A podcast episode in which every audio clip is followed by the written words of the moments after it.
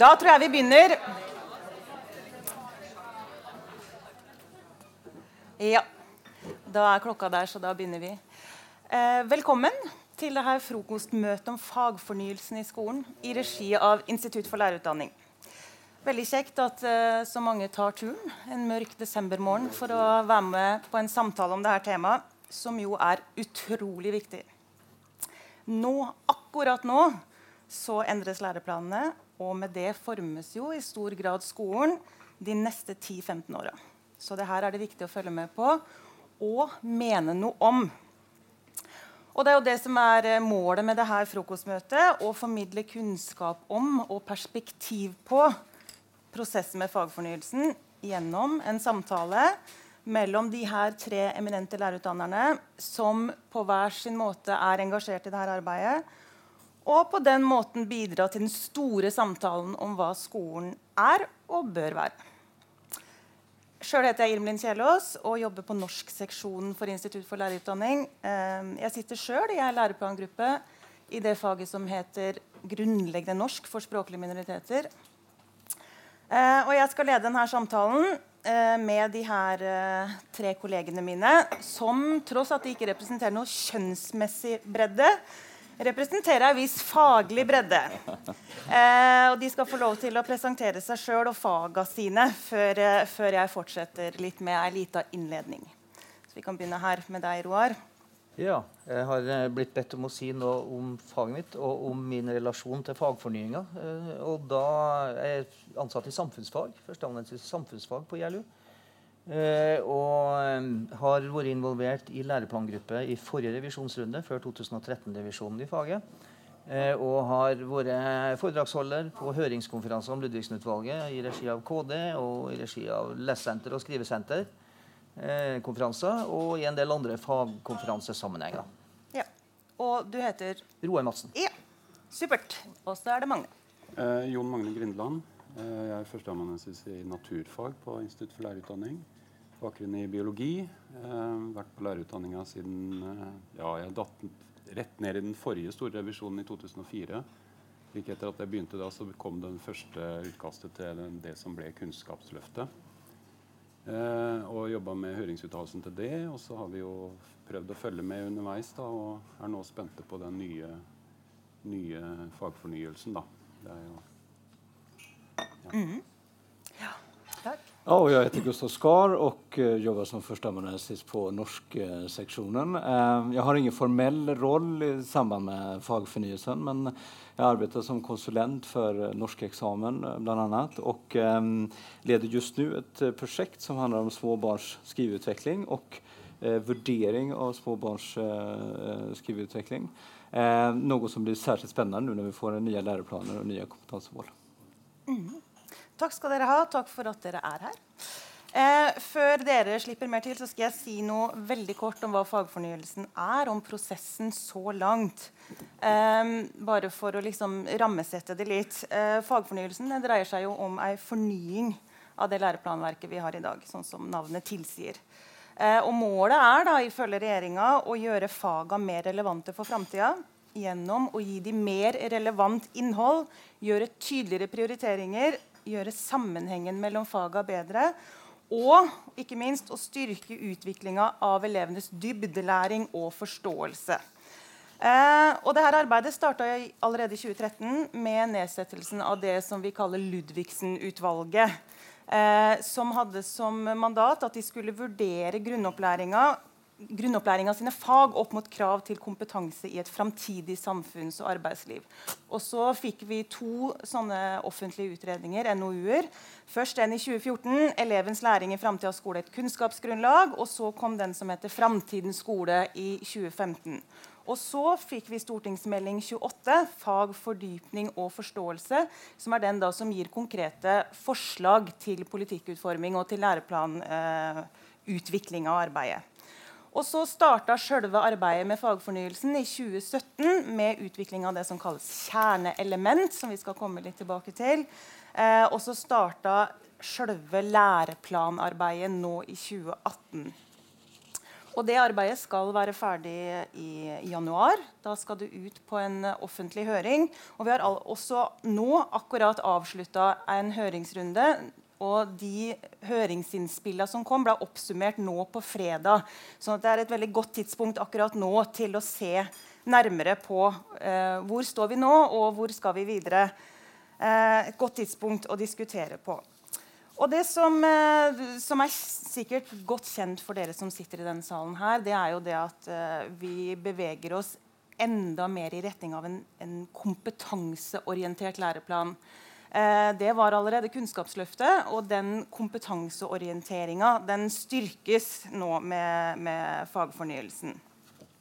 Eh, så jeg tenkte vi skulle starte litt, eh, litt, der med hva det faktisk innebærer, denne kompetanseorienteringa. Og hva slags kompetansebegrep er det som, eh, som ligger til grunn? Hva, hva, hva, betyr det egentlig? Det at vi nå skal reindyrke det med kompetanse enda mer. Så jeg tenkte vi kunne starte med deg, Roar. Jeg vet at du har gjort deg noen tanker om dette? Ja, altså det her Kompetanseorienteringa er jo et reindyrka innlån fra OECD sitt utdanningsdirektorat. Eh, 21st Century Skills-tilnærminga eh, er jo ganske gjennomgående. Eh, det er jo da sånn at Sten Ludvigsen, som var leder for Ludvigsen-utvalget, han nekter jo for at eh, Eh, for at han lener seg tungt på OECD-tenking. Eh, det har han gjort i avisintervju i Klassekampen 29.6 f.eks. Eh, som jo overhodet ikke er troverdig, for å si det rett ut. Jeg har sagt det til han sjøl også, så det, det er bare for å være tøff i trynet. det er jo fordi at det finnes hele kapittel i, i den første NOU-en som tyter over av referanser i tekst og noteverk til OECD-produsert litteratur og tilnærminger.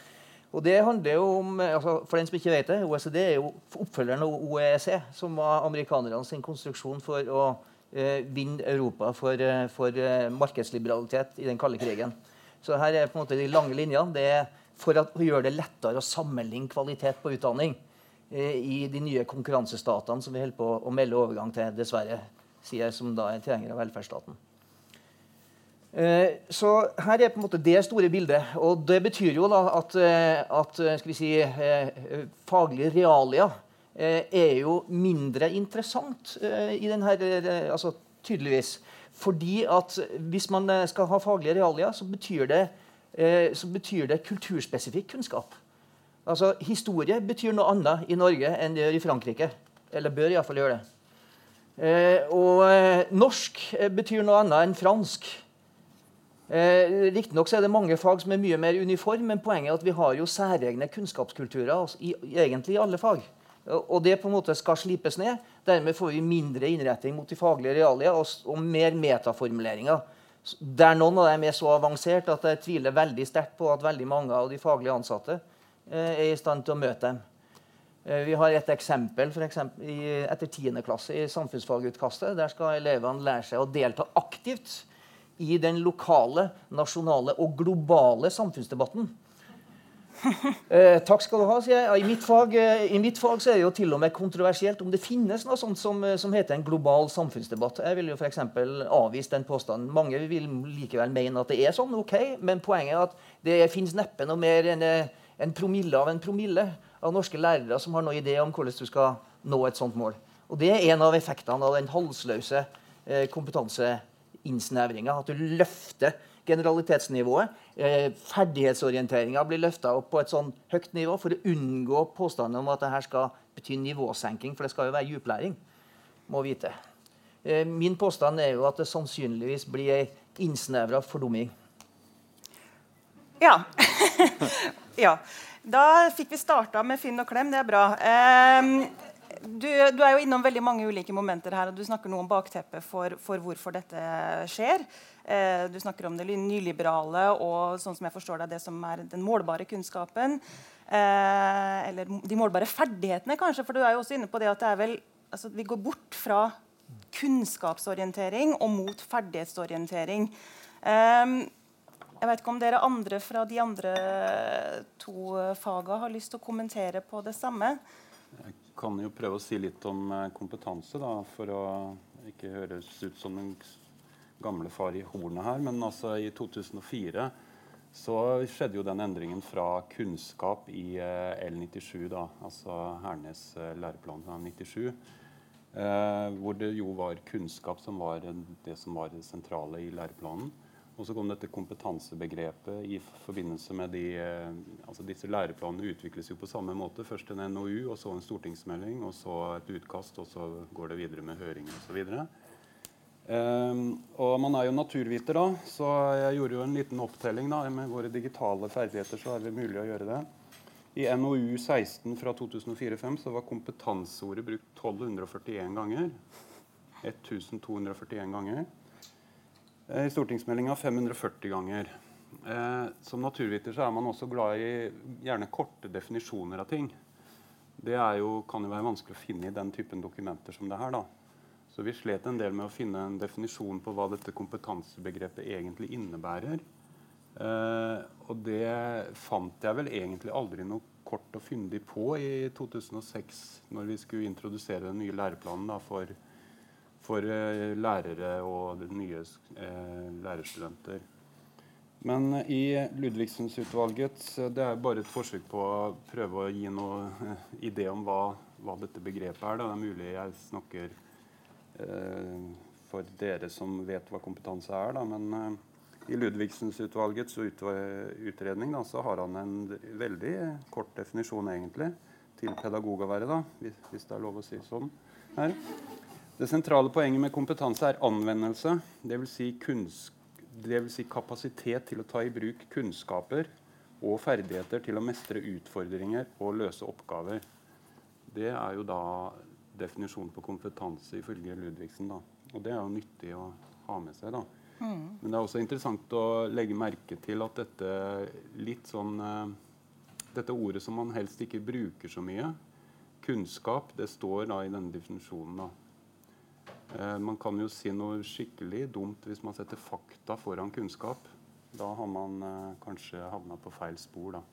For den typen eh, innholdselementer det er jo en av de store uroene med det utkastet til den nye fagfornyelsen. da. Ja. ja. Eh, Gustav, du meldte deg. Jag kan gärna säga någonting jag också. Men, och jag håller mest på med, med skriving som redan från början är rätt så flyktig kompetens. kan man säga. Den är ganska svår att fånga skrivekompetanse. Eh, och det är klart, det blir ju inte lättare när man har utgångspunkt i eh, LK06 eller den här eh, texter om vad skrivekompetanse är för någonting. Eh, det kommer man bäst åt genom att läsa kompetensemålen. Eh, och då står det i stort sett att man ska kunna skriva lite olika texter. Um, og det er vel, vel og bra, men, eh, men uh, nøyaktig hva det der betyder, det, det, får man altså lete reda på på andre steder. Uh, så det jeg tenker, Og det her har vi jo sett i Sverige også. Der har vi siden 1994 haft en tilsvarende uh, typ läroplan med veldig vagt beskrivna kompetansemål. alltså kompetenser utan innehåll så å si. Mm. Um, Eh, och det jag tänker är en, och, eh, och jämför man med andra länder, alltså eh, den här som dere hade, 97, den var ju betydligt mer specifik, men också den är ganska vag alltså. I jämförelse med hur det ser ut runt om i världen. vi behöver inte åka längre än till USA, det kanske är ganska långt i och för sig, men om vi åker till USA då. där är det helt specifikt ner på texttypsnivå, exakt hur en text ska vara uppbyggd, hur många stycken den ska bestå av, hur många avsnitt det ska vara, vilka ord man ska använda för att binda ihop meningar. Alltså, så där har vi en grad av uh, specificering som, som uh, jag tror vi är ointresserade av här. Mm. Men det är motpolen, inte L97 skulle jag tro. Uh, men det det, det det leder till, då, så som jag tänker det, det är att kanske inte en fördumming, men, men däremot att en drejning mot läromedelstexter som det viktiga mm. och examen som det viktiga.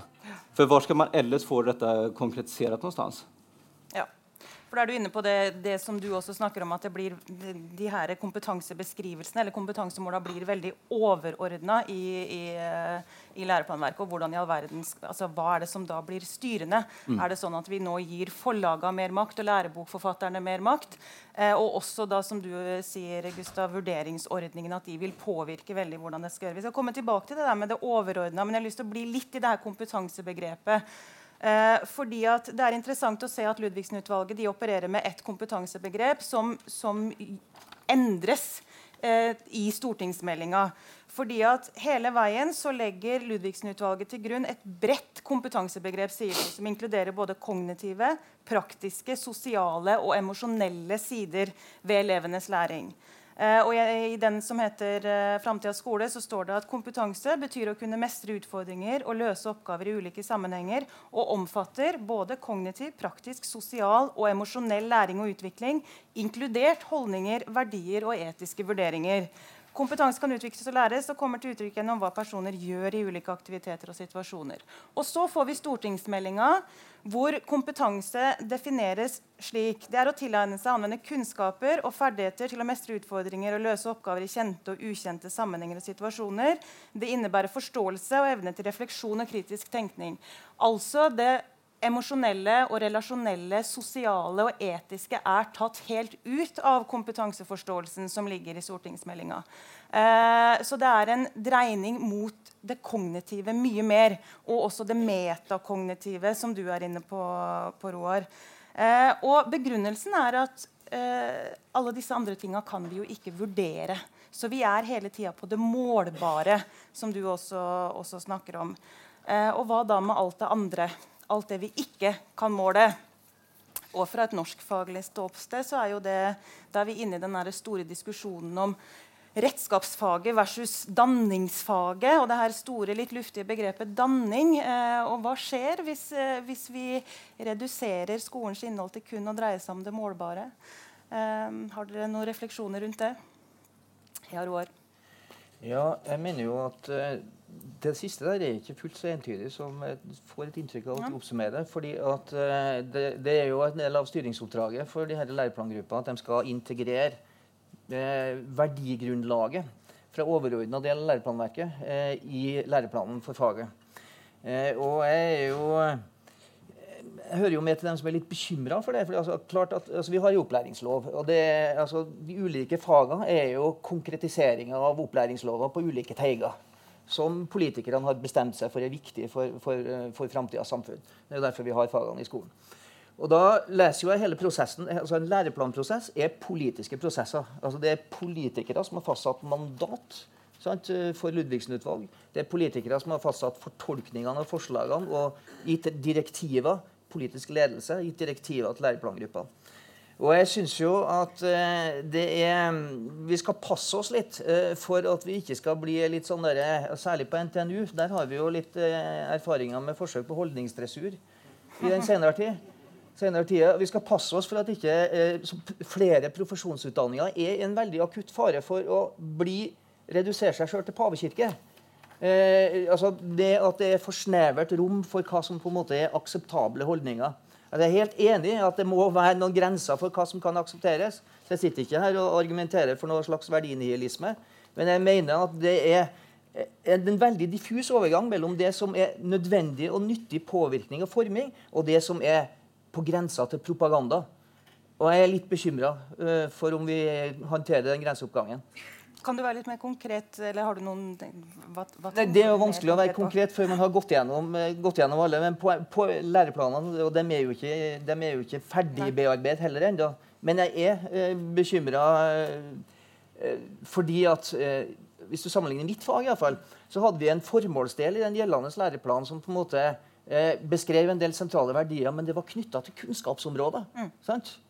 Og når eh, bindinga til kunnskapsområdene blir utydelig eller til og med helt fjerna, så blir det bare svulstige verdier som på en måte eh, leder tanken i retning av dressur. Hm. Ja. Magne, har du noen eh, tanker om det her? Uh, nei, jeg vet ikke om jeg er så godt inne i akkurat den uh, debatten der. Men jeg legger jo merke til at uh, en, en, del av dette her, det styres vel kanskje av disse tre overordna De tre tverrfaglige mm. temaene som uh, man har ambisjon om i tillegg til disse kompetansemålene. Da. Det er jo folk, Folkehelse og livsmestring er et av dem. Demokrati og medborgerskap er an, det andre. Og så er det jo selvfølgelig bærekraftig utvikling det tredje. da. Uh, og disse tverrfaglige områdene skal jo da også innarbeides i de ulike fagenes læreplaner.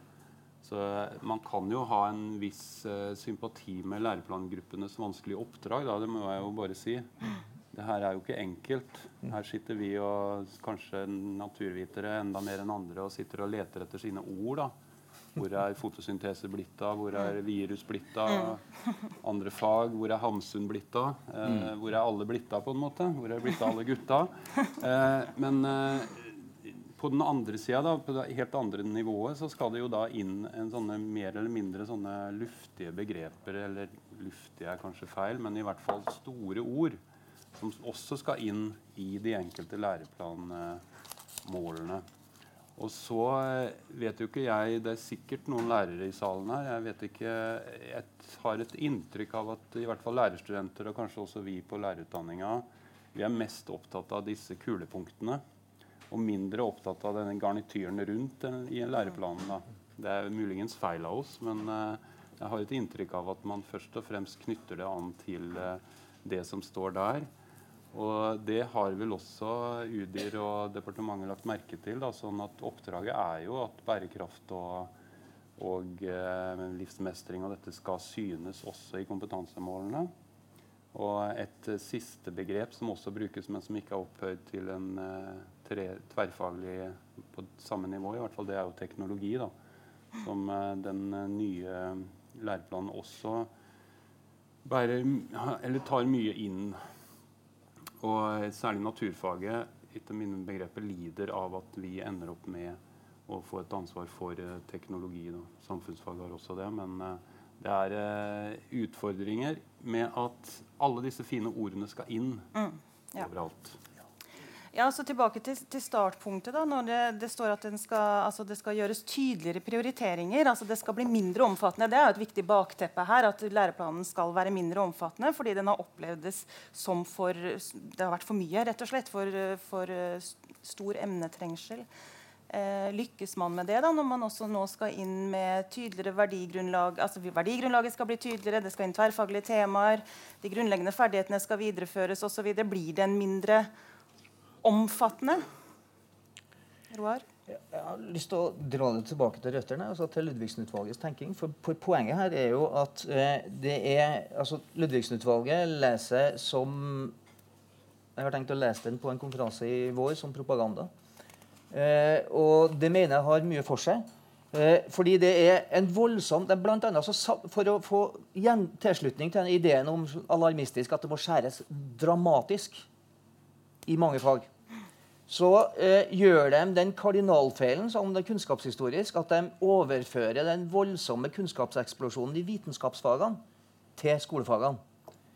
Og eh, jeg, vet, jeg, tror nok at de fleste matematikere vil være enige om at Pythagoras ikke har endra seg siden Pythagoras tid, f.eks. Eh, og at eh, i naturviterne vil sikkert være enige om det samme når det gjelder tyngdelova, at den ikke har endra seg vesentlig siden Newton. Vel, vel. Ja, ja. Ikke, kanskje ikke alle, men, eh, ja. men Og jeg kan selvfølgelig finne, jeg tusenvis artikler som gjør nytolkinger av bitte små utsnitt av første verdenskrig, f.eks. i mitt eget fag historie. Men det er ytterst, ytterst ytterst få av dem som får noe innslag i skolefaget. Så her, og det her er et manipulativt grep, etter mitt syn. Magne? Ja, eh, altså gjøre det mindre, ja. Det igjen, altså for å høres ut som uh, Det er litt déjà vu over dette her, da. Det var jo en av Kristin Clemets uh, mantraer i 2004 at L97 var altfor omfattende. Uh, altfor omfattende. Og det var ble jo brukt som et, en slags begrunnelse for å gjøre noe ganske drastisk, da. Fordi Eh, endringen fra L97 til L06 jo, var jo ganske kraftig. Eh, men nå kommer vi da til en ny revisjon, da, og da er jo utgangspunktet eh, virker på meg da, som at det er for mye igjen. da. Eller det er stadig for mye, eller jeg vet ikke hvordan. Men det virker jo også som at man har funnet ut det at eh, ikke alle barna kan alltid pensum etter at de har gått ut av skolen. Og at det må vi gjøre noe med. Og løsningen på det er å skjære ned på ting de skal kunne, og såkalt da gå i dybden. Og så lurer man jo på ja, men er det, er det virkelig et mål? Er det et realistisk mål? At alle barna etter 10 års skolegang, eller 13 års skolegang, skal kunne alt det som eh, politikerne og alle vi andre har satt opp på planen at de skal kunne? Eh, jeg tror ikke det er noe særlig fornuftig vei å gå. Og hvordan skal dette da gå for de som da Eller altså på hvilket nivå skal man legge seg, da? Eh, for samtidig så har vi jo et krav eh, også, veldig fint og naturlig og riktig, at eh, enhver elev skal ha tilpassa opplæring og jobbe i sin, altså i sin mulige sone for mulig utvikling. da. Og den er jo like forskjellig som barna er. Så det er et ganske dristig prosjekt, syns jeg. Ja, og så er det vel noe med at den Reduksjonen i kompetansemål gjør at de målene man står igjen med, blir ganske overordna. Eh, og det gjør det jo ikke nødvendigvis noe enklere verken for læreren som skal eh, hva skal jeg si, iverksette det, eller for eleven som da skal forholde seg til de her svære svære måla. Men Gustav, du hadde Ja, og, eh, men det som du sa nå nettopp, det henger jo ihop med dette tidligere. Då, eh, som jeg sa, at eh, Da får altså lærebøker større innflytende, da får prov større innflytende, for det er de som på en måte konkretiserer de her kompetansemålene eller kompetansebegrepet eller læreplanskrivningene. Men, men, tanken med å ha færre kompetansemål det er jo nettopp et fokus på dybdelæring, som er moteordet eh, for dagen. Eh, det kom på 70-talet i Sverige. Et forskere i Göteborg som introduserade det.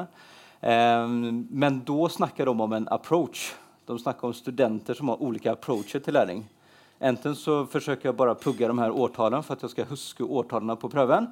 Eller så forsøker jeg å lære meg dem for at de, jeg, jeg vil integrere dem med kunnskap som jeg redan har.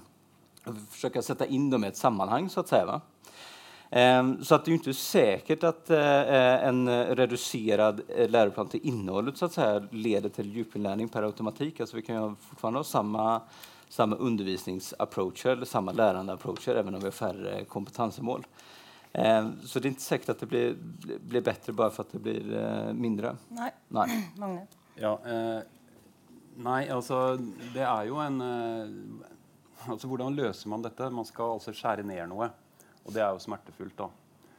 Eh, det har vi vært gjennom nå i naturfaget i et par runder. da, ikke sant? Først utvikla man disse såkalte Det er det nye grepet i denne revisjonen. her, da, Kjerneelementer. Eh, vi fikk et utkast for ca. et år siden med ti kjerneelementer. Som da på en måte skulle beskrive kjernen i faget. Da. Det høres jo altså, det høres jo tilforlatelig ut, men hvis man tenker seg om, hvordan skal naturfag på en måte som er nærmest mitt hjerte, da, defineres med fem kjerneelementer som vi har fått nå. da. Så jeg har en lapp her hvor jeg har satt opp kjerneelementene for eh, alle fagene i skolen. Eh, det er et A4-ark, altså det er ganske god plass her òg. Dette er altså kjerneelementene. Så uh, dere som lurer på hva det her er, kan jo finne dette da, på de flotte nettsidene til UDIR. Mm. Og så ta, et, ta for dere favorittfaget og kjerneelementene og tenk på et tema innenfor det faget og se om det ikke er med i de kjerneelementene. Eh, så det som Irmelin eh, er inne på, da, det er at når du skal skjære, så gjør man samtidig en, abstraksjon. Da, altså Målene blir mer abstraherte, og så kan man allikevel være innenfor. Uh, I utkastet til naturfagsplan nå så har vi f.eks. et utkast til et målepunkt etter syvende klasse utforske energikjeder og beskrive hvordan vi utnytter energi i dagliglivet. Altså, Hva betyr det? Altså, En fysiker vil kunne si at ja, handler dette om elektrisitet? En biolog vil kunne si er dette fotosyntese? Ja, det passer begge deler. Eh, skal barna lære om fotosyntese? Hvis man vil det, hvis UDIR vil ta stilling til det, at det er et viktig begrep i naturfag, så bør man jo kanskje si det. da. For ellers så blir det de ulike lærebokforfatterne eller eh, lærerne som, som bestemmer. Og så er det den ene skolen så er det en med lærer med fysikkbakgrunn som underviser elektrisitet, og så er det en biolog. da. Ja så, det, ja, så det gir mye makt både til forlag og lærebokforfattere og til den enkelte lærer og skole. men vi, nå, jo, nå, har vi jo egentlig kjørt oss litt inn i litt sånn uh, negativt spor her. Nå er vi, vi er kritiske og skeptiske, men er ikke det bra òg? Det, det, det, lokale handlingsrommet, lærerautonomien og, og, muligheten til å ta avgjørelser og være mer lokalt tilpassa og forankra osv. Er ikke det også noe positivt med, her, uh, med denne fagfornyelsen? At den gir läraren og skolen større handlingsrom? Jag tror at For trygge og kunnskapsrike lærere, og det finnes det ganske mange av, så er dette gode nyheter. Altså man får sjanse og mulighet til å utforme undervisningen så som man vil, og så som man vet fungerer bra. Men ta et av kjerneelementene i engelsk da, som jeg ser här eh, eh på din lapp, språkläring. Det är ganska mycket som kan gå in under språkläring, eh, kan man tänka sig. Eh, så att frågan är om, eh, ja, och kommunikation som är överpunkten. frågan är om faget blir mycket mindre av den typen av store stora mm. kulepunkter, för det första. Och för det andra, for för sådana lärare som jag själv, då, när jag själv var nyexaminerad, Eh, och inte hade många kollegor att prata med utan mest fick gå till mig själv och med, till min utandning. Då, hade det, då är det fint med lite, lite mer robusta lite mer robusta kulepunkter än kommunikation och språklæring, alltså. Robusta som är konkreta då? Som är konkreta, ja. För ja. annars så blir ju gärna, och jag pratade med en, en ungdomstrinslärare i helgen som hade all engelskundervisning på, på den skolan. Och hennes kollegor blir ju läroboken. Hennes kollegor blir eh, proven. Mm, mm. Hon har ingen annan att prata med. Så att, eh, det är klart att eh, när det blir så här luftigt så är det inte säkert att det passar riktigt alla. Men för de lärare som är kunskapsrika och för de lärare som, som vet vad de ska göra så är detta goda nyheter. Ja. ja. Vi, ska, vi har et ett, ett liksom tidsprogram å følge. Vi må ha en liten kaffepause, sånn at dere kan ta dere mer kaffe. Og så skal vi fortsette, og da skal vi snakke mer om dybdelæring. For det er jo det store buzzordet, og vi må, vi må prøve å få litt mer tak på hva det faktisk betyr. Eh, så bli, bli, sittende, holdt jeg på å si, men ta dere kaffe. Kjøp dere gjerne frokost hvis dere, hvis dere kan la dere friste av det. Og så fortsetter vi igjen om eh, vi har litt uh, tett, uh, tett tidsskjema, så vi fortsetter. Vi skal også åpne opp for, uh, for spørsmål og innspill på tampen. Så hvis noen sitter, sitter, og brenner inne med noe, så spar det opp til slutt, så skal dere få lov å komme til orde. Så glemte jeg å si innledningsvis at det blir gjort opptak, fordi det her blir en podkast som legges, eh, legges, ut på Litteraturhuset. Så jeg håper at dere er eh, bekvemme med det. Som jeg sa før vi tok pause, så skal vi fortsette med å snakke litt om det her dybdelæringsbegrepet. For det jo, står jo veldig veldig sentralt i, i, fagfornyelsen. Og jeg tenkte jeg skulle, skulle ta fram de definisjonene og, og, måten å forstå det på som, som sirkulerer. Og I Stortingsmelding 28 så, så heter det Læringsprosesser som fremmer dybdelæring, kjennetegnes ved at elevene får fordype seg og jobbe med lærestoffet over tid og at de får tilbakemeldinger og utfordringer som er i takt med deres faglige utvikling. Det har også betydning for læringen at elevene reflekterer over sin egen læring og får hjelp til å forstå sammenhenger. Så hvis vi skal ta ut uh, de viktigste momentene, her, da, så er det det med tid. Det er den individuelle tilpasning av den nærmeste utviklingssonen. Det er det metakognitive, hele tida reflektere over egen læring. Og det er det med sammenheng. Men når vi ser hvordan det brukes eh, ellers i både, i både, styringsdokumenter og i, i uttalelser fra politikerne, så er det ofte det med tid som vektlegges. Og Jan Tore Sanner nå, etter at vi hadde denne høringsrunden som akkurat eh, ble avslutta, så sier han at læreplanene skal legge til rette for at elevene får tid til å lære det aller viktigste. Så tid løftes ofte fram. Og det henger jo sammen igjen med dette med at vi skal redusere i antallet kompetansemål for å gi bedre tid. Eh, og så kan en jo diskutere det eh, altså, Vil bedre tid nødvendigvis føre til mer dybde i læringa? Eh, er det en litt naiv forestilling? Eller, det, eller har det noe for seg? Eh, men vi kan starte litt større og, og, og, prøve å ta hull på hva det her dybdelæringsbegrepet egentlig innebærer. Og du Gustav, var jo inne på det før, eh, før vi tok uh, pause. Mm. Eh, hvordan er det du forstår det? Nei, altså, eh, som sagt, eh, så som det ble brukt fra begynnelsen av, så var det han, snakk om ulike approacher til læring og til den egne læringen. At enten så er jeg interessert av fakta som jeg bare skal anvende for å svare på en prøve, eller så er det eh, kunskap som jeg skal anvende for å integrere i annen kunskap. så att säga.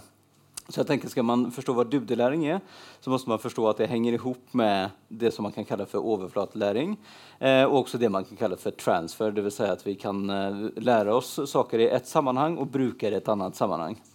Eh, så jeg tenker at, men, men så, um, det kom en artikel for et par tre år siden som, som beskriver dybdelæring på et alldeles utmerket sett, som var skrevet av Fish, uh, Frey og John Hattie som er en utbildningsforskare.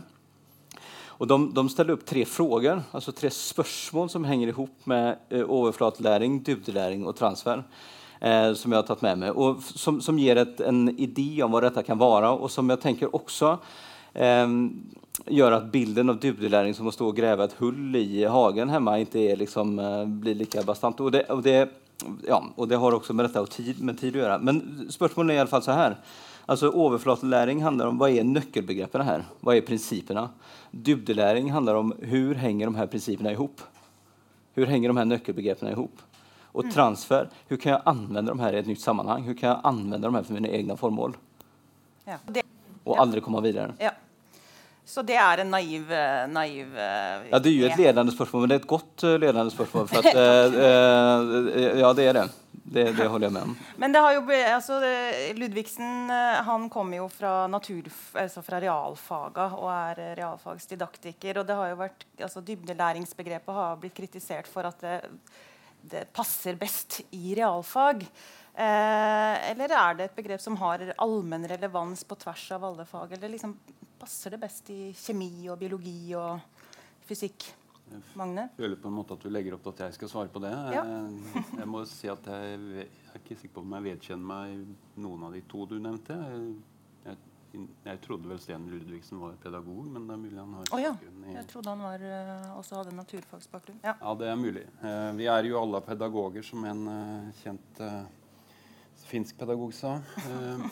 og det er jo rett.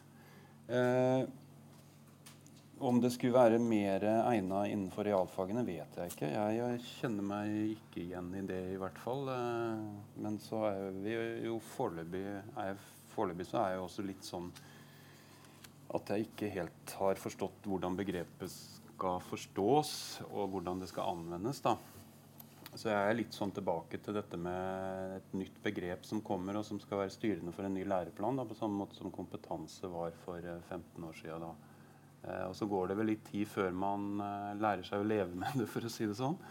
Eh, men kan, man kan jo En ting er denne forståelsen som Gustav har av begrepet, som er, virker rimelig robust på meg, men for en del andre som dette er nytt for, og som man skal ta det i bruk, så kan det være andre ting som kommer fram. da. Jeg så en publikasjon fra Naturfagsenteret. De har et tidsskrift som heter Naturfag der hadde de et kapittel om dybdelæring. og Der står det jo bl.a. Nå er jo dette løsrevet sitat, da. Men uh, skal vi se om jeg klarer å finne det, da. Uh, jo, der står det at prosessen fra overflatelæring til dybdelæring kan betraktes som en progresjon fra nybegynner til ekspert. Uh, og da ble jeg litt urolig, for hvis det er det skolen har som ambisjon å utdanne eksperter, så syns jeg jo at det går litt inflasjon i begrepene her, da. Eh, men jeg håper jo at vi har andre At vi finner en annen måte å leve med dette begrepet enn eh, dette her, da. Eh, jeg vet ikke om det var noe slags svar på spørsmålet ditt. Men skulle det også da bety at det foregår overflatelæring tidlig i utdanningsløpet, og så blir det mer og mer dybde? Eller skal, altså, skal man ikke drive med dybdelæring alltid? Ja, det var jo et uh, spørsmål jeg stilte meg òg. Men uh, jeg forstår det jo sånn, og det har jeg jo spurt Gustav om også. Han bekrefter jo det at de allerede etter første skoledag nærmest skal i dybden. Mm. Uh, og så må man vel bryte overflaten før man går i dybden, da, i hvert fall. Men man må jo Man skal være i dybden hele veien, så vidt jeg forstår, da. Mm. Men ja, tilbake til det du Gustav, sa da med den overflatelæringa. Det er de, de grunnleggende begrepene og kunnskapsinnholdet i faget. det da. Sånn at For å nå, nå, dybden så må man nødvendigvis også drive med Det er et veldig negativt begrep. da, Overflatelæring. Ja, är om det er så himla gode metaforer. Dette, altså. For det, jeg tenker at Intuitivt så er vi imot overflatelæring alle allihopa, men, mm. men det er en forutsetning. Alltså, vi, kan ikke, vi kan ikke forstå hur, hva Strindberg og Ibsen hadde for relasjon om vi ikke vet hva det er. Ikke sant? Det er det. Alltså det säger sig självt at att all, all, så fort vi ska relatera kunskap till annan kunskap så måste vi, så måste vi ha tillägnat den på en mm. eller annan måte. Eh, och det gäller för så vidt också skriving, alltså någonting så flyktigt som skriving så du, må, du måste ju kunna forma bokstäver och använda en tastatur för att skriva texter. Mm. Men å kalle det ene for overflate, det andre for dude, Jeg vet ikke om vi kommer noen vei da. For jeg tror den her, den här eh, att tänka att eh, ja, först går vi tio år i skolan og først därefter så kan vi, bli, så kan vi gradvis bli eh, experter. Mm. Det vet jeg ikke heller om det er så lurt, for att, eh, det kan jo bli ännu mer reduktionistiskt. Ännu mer fokus på dekontextualiserade färdigheter, så att säga, eller mm. dekontextualiserade kunskaper. Att vi behöver ikke holde på med noen dybde nu de første årene. Nu ska vi bare lære oss eh, bokstäver eller årstall og sen, det, sen får vi vänta med det til videregående mm. innan vi sätter dem her i system. Ja. Så det tenker jeg den, den, den, synen på progresjon tror jeg er, er verre. Mm. Mm. Dybdelæring må foregå hele tida. Men da er vi tilbake egentlig til det her med kunnskap eh, versus ferdigheter. og Hva er egentlig kompetanse osv. For hvis vi nå sier at uh, kunnskapen er en forutsetning, kunnskapsinnhold eller faglige realia, som du, som du snakker om, Roar, har du noen tanker om, om dette?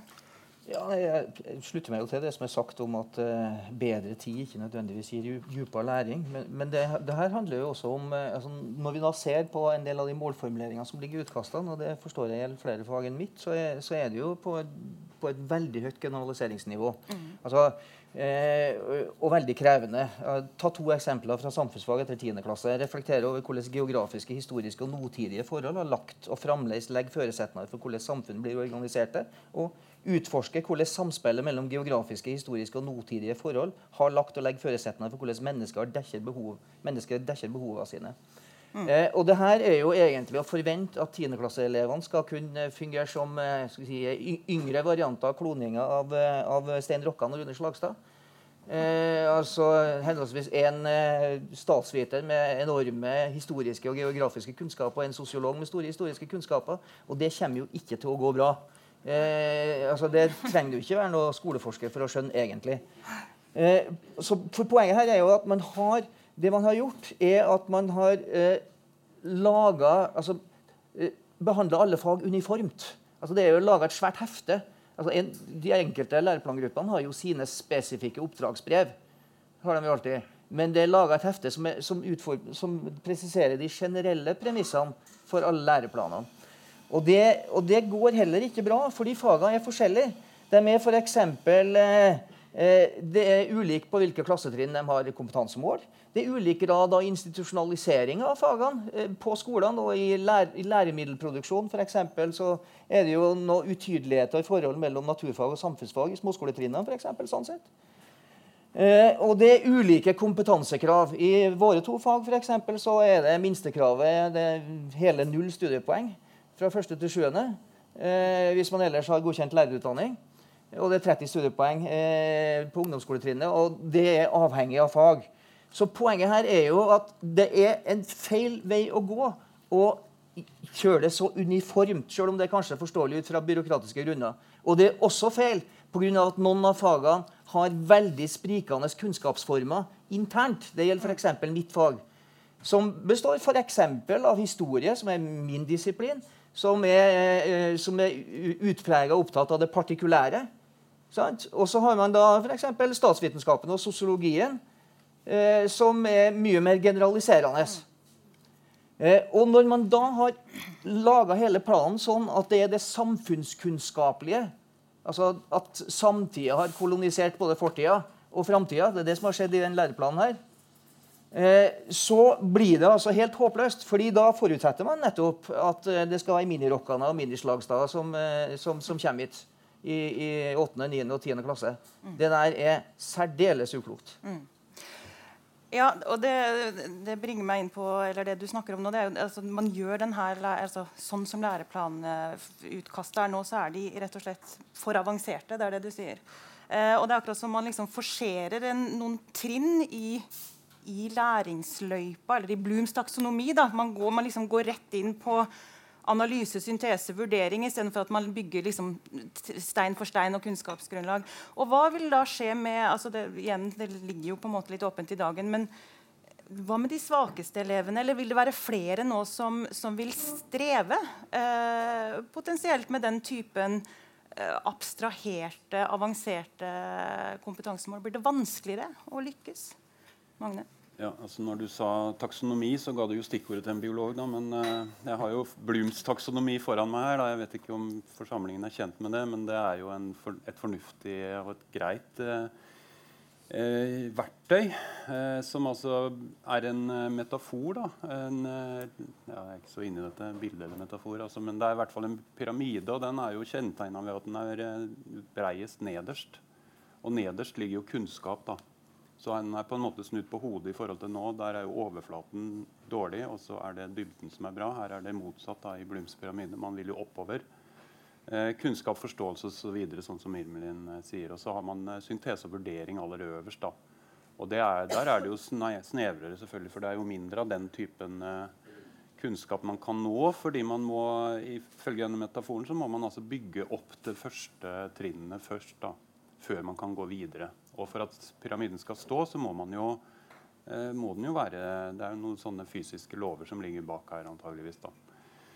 Eh, men når man ser på de Og dette er jo ikke noen ny utvikling. Den har jo foregått ganske lenge. Eh, som botaniker så har jeg jo lekt meg med å undersøke noen tidligere læreplaner. Og hvis man tar normalplanen for Landsfolkeskolen 1922 så nevnte de altså 49 plantenavn ved navns nevnelse i læreplanen. Og så har jeg jo her eh, kost meg med å telle opp da mønsterplanen av 74 hadde 109 navn, faktisk. Og så i, fra 87 og utover så er det null. Ingen ty type kunnskap på det lave nivået nevnes i læreplanen. Og Særlig fra L06 så har vi jo blitt veldig gode til å tolke implisitte læreplanmål. For så husker jeg jo at uh, jeg tror det var i norsk plan, eller det var jo i norskplanen hvor det var oppstyr om at uh, Ibsen og Bjørnson ikke var nevnt i læreplanen i 2006. Uh, eh, men så sto det vel et mål om at man skulle undervise om sentrale norske forfattere på slutten av 1800-tallet. Og da skal man ha en litt spesiell innstilling hvis man ikke nevner Ibsen, f.eks. Og i naturfaget så var det jo det samme med bakterier og virus som ikke sto nevnt i læreplanen. Men så sto det jo et læreplanmål eller to om smittsomme sykdommer. Og da blir det jo vanskelig å ikke snakke om bakterier og virus. For eksempel. så implisitte læreplanmål har vi jo forståelse for. Men eh, man lurer jo på om det, om det i de senere læreplanene er installert heis i Blums pyramide. da, Sånn at man kommer veldig raskt opp. Ja. Eh, eller om den eventuelt er snudd på hodet. For i noen tilfeller så virker det som man begynner veldig høyt oppe i det kognitive mm. utviklingen. Mm. Og det er eh, Ja, og ikke bare med det kognitive, men med metakognitive også. Ja, mm. og jeg tror eh, det som du egentlig spurte om, kanskje, var jo dette med de, de, altså de sterke elevene, hvis det er lov å bruke et sånt begrep, de er nok robuste for denne læreplanendringen også. Men uh, de som ikke er like sterke, de kan hende at de ikke tåler den så godt, da, tror jeg. Mm. Så det er jo også en bekymring oppi alt dette her. Mm. Nå, vi, er jo, vi, er jo, skeptiske, da, kan vi vel konkludere med. Vi er eh, litt pessimistiske her vi sitter. Eh, men det er jo, altså, vil vi tilbake da? Vil vi tilbake til L97? Er det liksom Gudmund Hernes vi vil eh, at skal styre skolen? Eller hva er det, vi, hva, hva er det som er eh, Hva er draumen? Gustav? Eh, det er ingen drøm, kanskje i alle fall ingen sånn stark eh, visjon. Men, men hva man skulle kunne gjøre, og det ser jeg ut fra mitt ståsted som vurderingsforsker, det er at om man nu skal gjøre om hele læreplanen eh, og Jeg skulle egentlig vilja kommentere en annen sak, men jeg tar dette først. Om man nu skal gjøre om læreplanen, eh, og vi får en annen innriktning på undervisningsprocesser i skolen, så er det klart at da ligger det i sakens natur at da må man også gjøre noe med vurderingssystemet og med examensformerna. Alltså oavsett hur vi tänker oss så är dybdeläringsprocesser ingenting som föregår under fem isolerade timmar när hela ens framtid står på spel. Det är inte en uh, god lärningsprocess. Men examen modellerar ju den typen av uh, lärningsprocesser. Så ska man göra någonting med detta så, så bör vi ändra på uh, examensformer och värderingsformer. Och det går att göra. Vi kan kutta ut hela examen och så kan vi ha portföljvärdering istället med externa värderare. Det är helt oproblematiskt och det skulle antagligen inte kosta, eh, kosta någonting eh, extra. Eh, så det tror jag. Ska, ska detta bli eh, riktigt bra så, så tror jag man ska göra någonting med värderingssystemet också.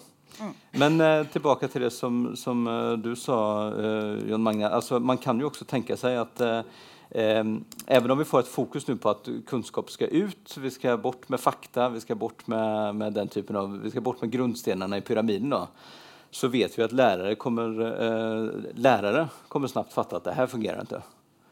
Så det man kommer gjøre, blir en stilla revolt mot denne typen av tenkende, tror jeg. For lærere kommer merke at det her passer ikke for mine elever. Jeg er nødt til å arbeide på en annen måte. De får skrive hva de vil i den der læreplanen. Men her måste, vi, måste vi ha det som man kan kalle for ytlæring eller overflatelæring før det kan bli dybde. Mm.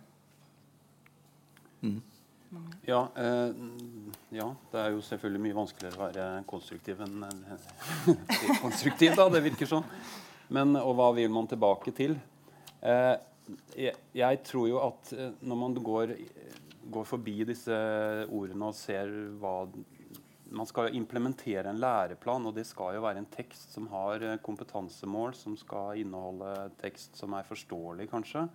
Og som er Per nå så er den veldig de, I naturfag i hvert fall. Det er jo grenser for hvor mye man har tid til å lese andres, andre fag her, dessverre. Selv om uh, jeg følte nesten at Roar var i ferd med å introdusere orienteringsfaget eller O-faget igjen her, men uh, nei, nei, nei. kanskje la det være. Langt ifra. uh, men da må man jo ta noen beslutninger. og noen sentrale ting må man faktisk nevne, mener jeg da, i, med navns nevnelse i læreplanen. Og så har man jo denne gangen dette besnærende begrepet kjerneelement. da Eh, og da hører jeg jo på Jeg hører kanskje ministeren si at ja, men vi er jo blitt enige om kjerneelementene. Mm. Men de er jo, hvis dere blar opp de og ser hva, de, hva, som står der, så er det klart at det er jo ikke så mye hjelp å, å finne der, kanskje. Eh, den mest besnærende er kanskje engelsk, som er den korteste, i hvert fall. Så har jo Gustav leste jo opp eh, to av dem her nå. Det var eh, Skal vi se, jeg har dem her. Kommunikasjon, språklæring, møte med engelskspråklige tekster. Det er kjerneelementene i engelsk. da. Og det hjelper jo ikke så veldig mye, det. Så man må ta noen beslutninger hvis man mener at uh, f.eks. fotosyntese er noe som man skal holde på med i naturfag. Jeg vet ikke hvorfor vi snakker om denne fotosyntesen hele tida. Jeg er ikke så veldig opptatt av den selv. Ja, men det jeg er opptatt av, er artskunnskap. Og det mener jeg jo har en sterk kobling mot uh, biologisk mangfold og, nei, bærekraftig utvikling. Og jeg legger jo merke til at nå er man også ferdig med kon relativt konkrete de er ikke veldig konkrete der heller, mål om artsdiversitet og artskunnskap etter andre trinn i skolen. da. Etterpå så skal man bare undersøke økosystemer og vurdere om eh, hvorfor det er bra med biologisk mangfold og en, mm. en hel masse sånne ting. Og det her tror jeg skyldes at læreplangruppen er Enten så får de ikke lov til å være konkrete, eller så er de veldig usikre på hva, hva de får lov til å si mm. direkte i læreplanen. Og så prøver de å si noe uten å si det direkte. Og så kan man ende opp i sånn som denne energikjeden, da, hvor de kanskje har tenkt elektrisitet, men hvor jeg som biolog ser eh, fotosyntese og energi og sukker og alt det der. Mm. Så man må man må faktisk, Hvis man skal lage en læreplan, så må man jo bestemme noe, faktisk. Ellers så blir det jo da læreplan eh, Nei, lærebokforfatterne, da. All ja. ære til dem, altså. Men eh, det blir de eller da eventuelt uh, lærerne rundt omkring, da. Ja. Så bestemme på innholdsnivå. På det fins en, en, varig, gyldig, bestandig kunnskap som må inn. Ja, noen ja. av oss mener det. Ja. Mm. Roar, du skal få siste ord før vi slipper til, eh, til publikum. Ja, jeg betrakter jo de her læreplanutkastene som eh, forma seier over innholdet. Det er en formfetisjisme i det som jeg, som jeg syns er plagsom. Eh, interessant det du sier Gustav, om eh, den stille revolten som du regner med kommer. og Da spoler jeg raskt tilbake til forrige uke. Da jeg holdt et, eh, et sesjonsinnlegg om, eh, om læreplanutkastet i samfunnsfag. og Da sa jeg at hvis Utdanningsdirektoratet og utdanningsstyresmaktene var helt bevisst på hvor revolusjonær de er nå med det utkastet her, og da mente jeg i virkelig kritikkverdig forstand revolusjonær, så ville jo ikke ha noe annet valg enn å vie meg sjøl til å bli kontrarevolusjonær i framtida. Eh, det er den stille revolten. Eh, og jeg mener jo, for å være konkret, da altså sånn, eh, Her er jo, her er jo I mitt fag for eksempel, så vi jo, fikk vi jo inn de her ferdighets, ferdighetsaspektene kobla til de faglige realia gjennom hovedområdet Utforskeren, som var en kopi av, ikke kopi, men tilpassa variant av forskerspiren i naturfag. og De fleste syns jo det var et ganske greit grep eh, har jeg inntrykk av. Poenget er at det er fjerna. Og med det, De har også fjerna alle hoved, hovedområdene i alle fagene. Og det er derfor, Når eh, Jon Magne eh, tar fram de her, eh, kjerneelementene, så er det bare helt utenkelig at de kan være like gode tolkingsfilter i retning av det du faktisk skal holde på med, som det gamle systemet. Og Der ligger jo en av de store svakhetene med å være så byråkratisk i inngangen at alle fag skal behandles likt. Ja. Takk. Eh, jeg veit ikke om vi klarte å snu det til det, til det konstruktive, men vi, vi har nå i hvert fall fått, uh, fått uh, gitt, noen, gitt, noen, perspektiver og, og, noe innsikt her som er veldig viktig. inviterer gjerne salen til å komme med innspill. ja. Jakob? Du får en mikrofon. Et sekund. Ja, kanskje dere hører meg hvis jeg snakker? Ja da. Jo, det spørs noe altså, Jeg har vært rundt på skoler på forskningsoppfølging. Jeg er blitt bevisst et uh, fenomen som har begynt å bre seg på en del ungdomsskoler, som er veldig interessant, særlig i forhold til denne typen veldig overordna uh, kompetansemål. Og det er rettsliggjøringa av uh, vurdering. Altså foreldre går til sak i skolen og kommunen for å, fordi de mener at det er ikke godt nok dokumentert grunnlaget for den karakteren deres barn har fått. Og jeg lurer på, Hvis du har så overordna uh, kompetansemål som det her ligger an til, altså, hvordan vil den rettsliggjøringsprosessen gå videre? Altså, dette er jo en tendens i hele samfunnet som også da har skolen. Om dere kunne komme noe innspill på det, for det er jeg veldig nysgjerrig på. Jeg ser på dere, ja. ja vel. Eh, jeg syns det er vanskelig å vurdere, bortsett fra at det er helt overordna sikker på at det kommer til å bli flere sånne innslag. fordi at så brede metaformulerte mål gir mye mye større rom for å kunne være misfornøyd med sitt barns opplæring. Altså det, du trenger ikke være skoleforsker i hele tatt for å se den. tenker jeg. Så det her vil styrke rettsliggjøringa. Det er min klare spådom, men det er selvfølgelig bare en spådom. Mm. Gustav? Man kan jo tenke seg at det fører til at man uh, som lærer i sånne fall ser til å kjøpe seg prøver og kjøpe seg uh, den typen av liksom, produkter, så at man har et fast og sikkert underlag. Så man har noe konkret å vise til. Og det tror jeg også vi som er foreldre som går på ulike skolesamtal, vet at det er gjerne den typen av dokument som åker fram mm. når man skal sitte og prate om hvordan barnet har det i skolen. Mm. så det tror jeg blir en konsekvens av det. At da er det andre som får styre innholdet i høyere utstrekning. Og det blir mer prøver og tester. Ja. Du skal få en mikrofon her. Ja.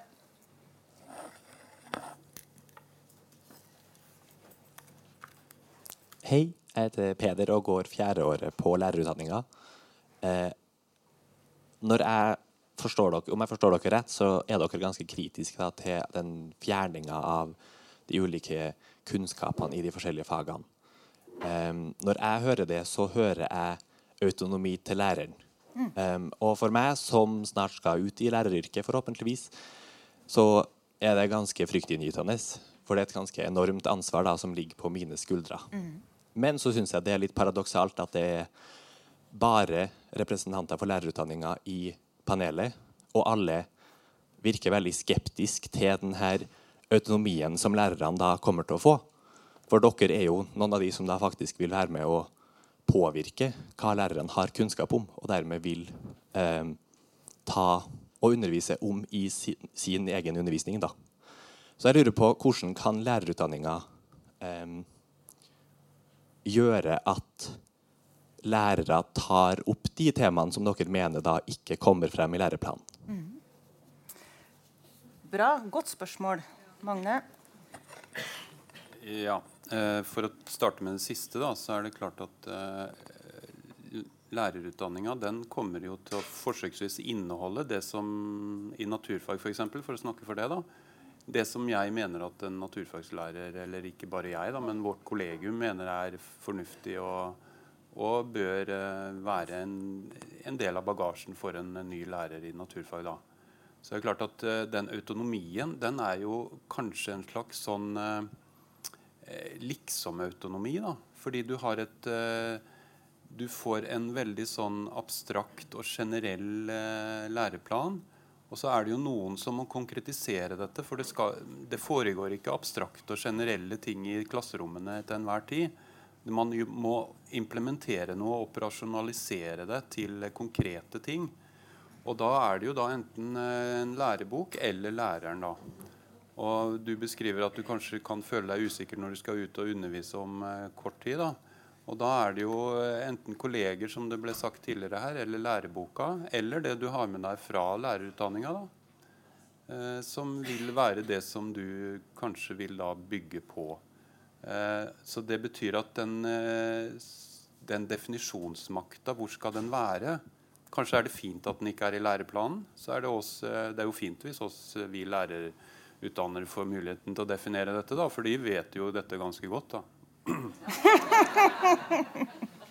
I all ydmykhet, Sånn. Ja, Gustav? Jag bara säga någonting. Uh, um, jag tänker två saker. Det ena är att uh, jag är inte så skeptisk till, uh, till autonomier, att det blir generellt, men jag är skeptisk till att det blir det utan att man gör andra tilltag också som eksempel ändra vurderingssystem eller eh, bidrar med konkretiseringer i andre typer av dokument. Det skulle man godt kunne gjøre. Eh, og priset man får betale for en veldig kraftig autonomi det er jo at barn i Norge får ganske ulik utdanning. Mm. Og om det er et pris vi er beredt å betale, da er det greit.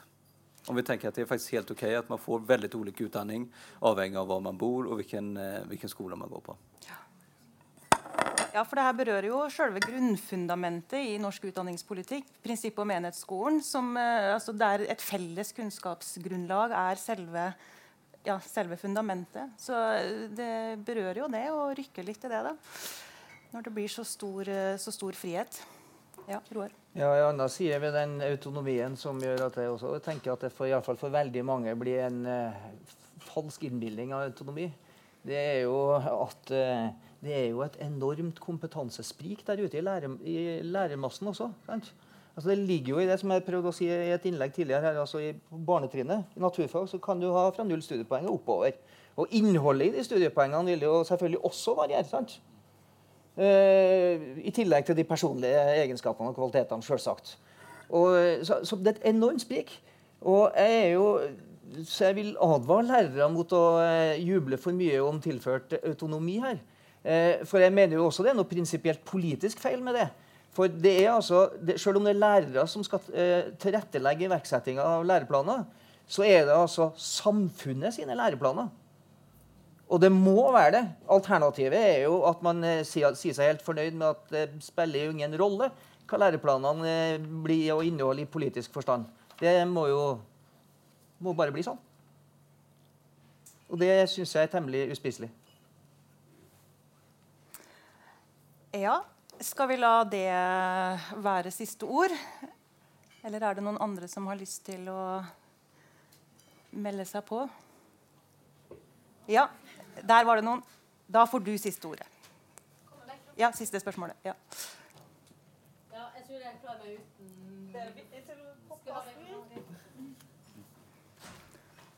Bare en liten kommentar. Jeg heter Lise Jåsa. Jobber som, jeg er stipendiat i folkehelse, men jeg har også jobba med undervisning der. forskjellige sammenhenger. Det er noen ord som jeg savner i det her.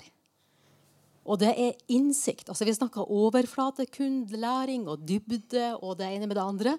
Jeg savner ord som innsikt om noe i verden og erfaring. Mm. Og nå er det jo også sånn at det er en viss ikke helt ukjent forsker her i byen som har funnet sammenhengen mellom livserfaring og minnesans. Altså Mosers, noen av de siste studiene. Det som former vår evne til å huske, det er livserfaring. Og et av de store problemene med folk som mister grepet i livet, det er at man overload, sant? det kjenner dere til. Man mangler det her knaggene å henge ting på. Og der tenker jeg at konkrete, De konkrete kunnskapssteinene er kjempeviktige. For meg handler det om livsorientering. Mm, mm. Så erfaring og innsikt skulle gjerne sett i sånne planer. Takk.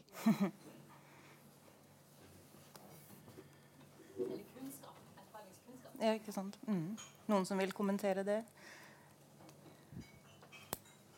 Kan ingenting smart om eh, innsikt og eh, erfarenhet. Men, men, jeg holder med. Det, det er viktige begrep. Og um, som sagt, altså, hvordan vi skal snakke om dette eh, det, det kan, Hva kan man når man eh, lämnar skolen? da?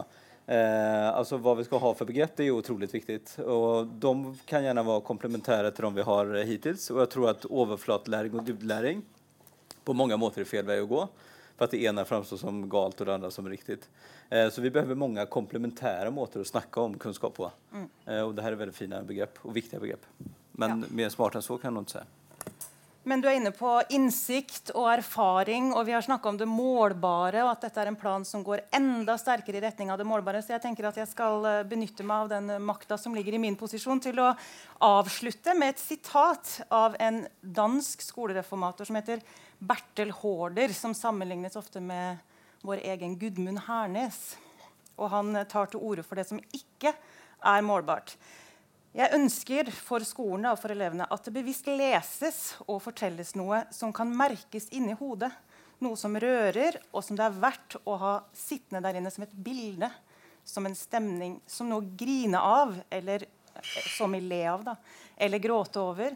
Noe man kan ha sammen med andre fordi mange har hatt den samme opplevelsen. Og det må også eh, være rom for det i skolen. Og eh, det ser ikke sånn ut i akkurat denne læreplanen, men eh, skal vi oppfylle det store samfunnsmandatet, så må det ha sin plass. Skal vi la det være siste ord? Takk for Amen. Takk for oppmøtet.